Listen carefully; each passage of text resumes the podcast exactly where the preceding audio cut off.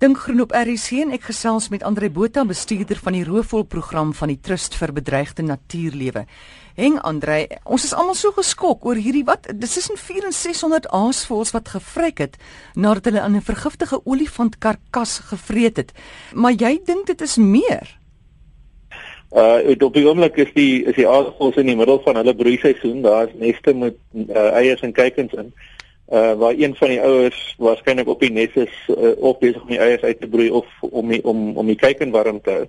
En hulle wag nou die stadium vir die ander deel van die ouer paar om terug te kom om om hulle af te los en om kos nes toe te bring. En uh, dan het hulle nou weer geleentheid om weg te gaan. En, en wat nou gebeur is hierdie voels gevryk het in in die in die vergiftiging is dit weet hierdie aflos gaan glad nie gebeur nie en uiteindelik word die voël wat in die nes is word dan genoodsaak om om die nes te verlaat en te gaan kos soek en die kans dan dat hierdie dat hierdie broei proses suksesvol gaan wees is feitelik nul.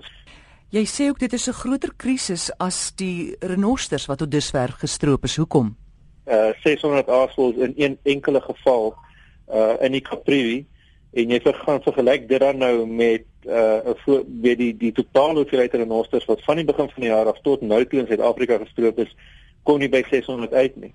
Uh en as jy nou gaan kyk na die bewaringsstatus van van die asels wat trokke is en jy gaan vergelyk dit met die bewaringsstatus van die witterrenoster byvoorbeeld uh beide die witterige asels wat waarskynlik die spesies wat die wat die grootste impak gevoel het as gevolg van hierdie insident en ook die monnik asel wat waarskynlik van hulle betrokke. Jy gaan kyk na swart asels jy kyk na witkop asels en jy kyk na kraans asels al hierdie voëls is rooi data spesies is gelys op die IUCN se se rooi lys en uh, die meeste van hulle is op 'n hoër vlak van uh, bewaringsstatus as wat er in ons verstand is. En uh, jy weet op, op die oomblik as jy sien nou gaan dink 600 voëls uit 'n uit 'n bevolking uit Suidelike Afrika is 'n ongelooflike groot impak. En ons voel dat as 'n mens gaan kyk hierna en indien dit moontlik is en indien jy die skuldiges in die hande kan kry, moet hulle presies dieselfde tipe van strawwe uitdien as wat mense wat gearresteer word in terme van renosterstrope. Wat gaan die invloed hiervan wees op ons omgewing, die verlies van soveel aasvoëls?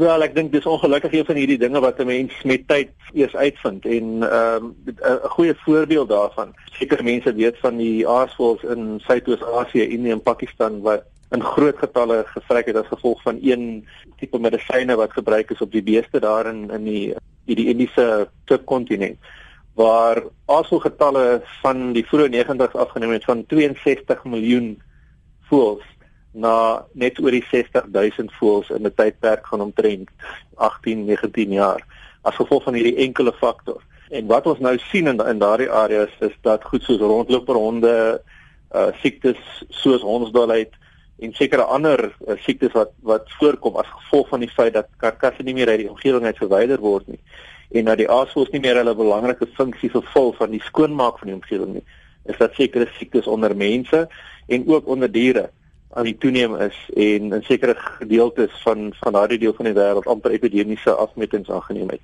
Ek dink dis waar mense baie vinnig gaan begin agterkom in die rol wat aasvoël speel, nie net daar nie maar ook hier in Afrika en in Suidelike Afrika gaan waarskynlik op die langer duur as hierdie tendense voortduur op ons ook baie baie duidelike effek hê en en dit is die tipe van ding wat mense probeer om vir mense aan die dag te bring is hierdie voëls boonbehalwe dat hulle so integrale deel is van Afrika en die lugruim van Afrika speel 'n ongelooflike belangrike rol en is ons as mense ook nog steeds tot voordeel en daarom daarom is dit belangrik om hulle te bewaar. En hoekom het die stroopers dit gedoen?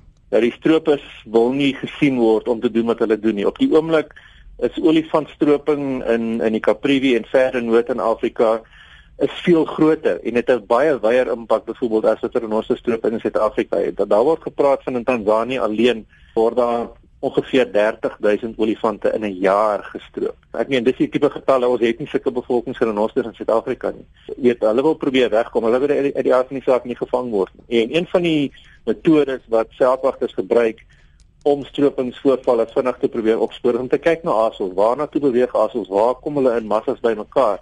En dit is 'n aanduiding van waar daar 'n karkas is. Nou wat die stropers dan nou doen is, is hulle die asels uit die omgewing uit verwyder en hulle meneer deur hulle te vergiftig. Is daar die vroeë waarskuwingsteken en hierdie arm uh, alarmstelsel wat veldwagters gebruik nie meer daar nie en kan hulle waarskynlik gaan en 'n trop olifante uitwis, die tande uitsny sonder dat hulle dat hulle opgemerk word en aangaan met hulle met hulle aktiwiteite ehm um, in 'n groter mate van veiligheid. So dit is die dit was die groot beweegrede dink ons in hierdie geval. Maar daar is ook in sekere plekke ons ons is bewus van voorvalle wat verlede jaar en selfs vroeër hierdie jaar in Zimbabwe en in Mosambiek plaasgevind het waar van hierdie aasvoëls nadat hulle gevrek is, is van hulle liggaamsdele geoes om te verkoop in die moetiehandel. En dit is natuurlik nou weer 'n ander tendens wat uh, vir ons groot hoofbrekings besorg. Dit was Andre Botha, die bestuurder van die Roofvolprogram van die Trust vir Bedreigde Natuurlewe.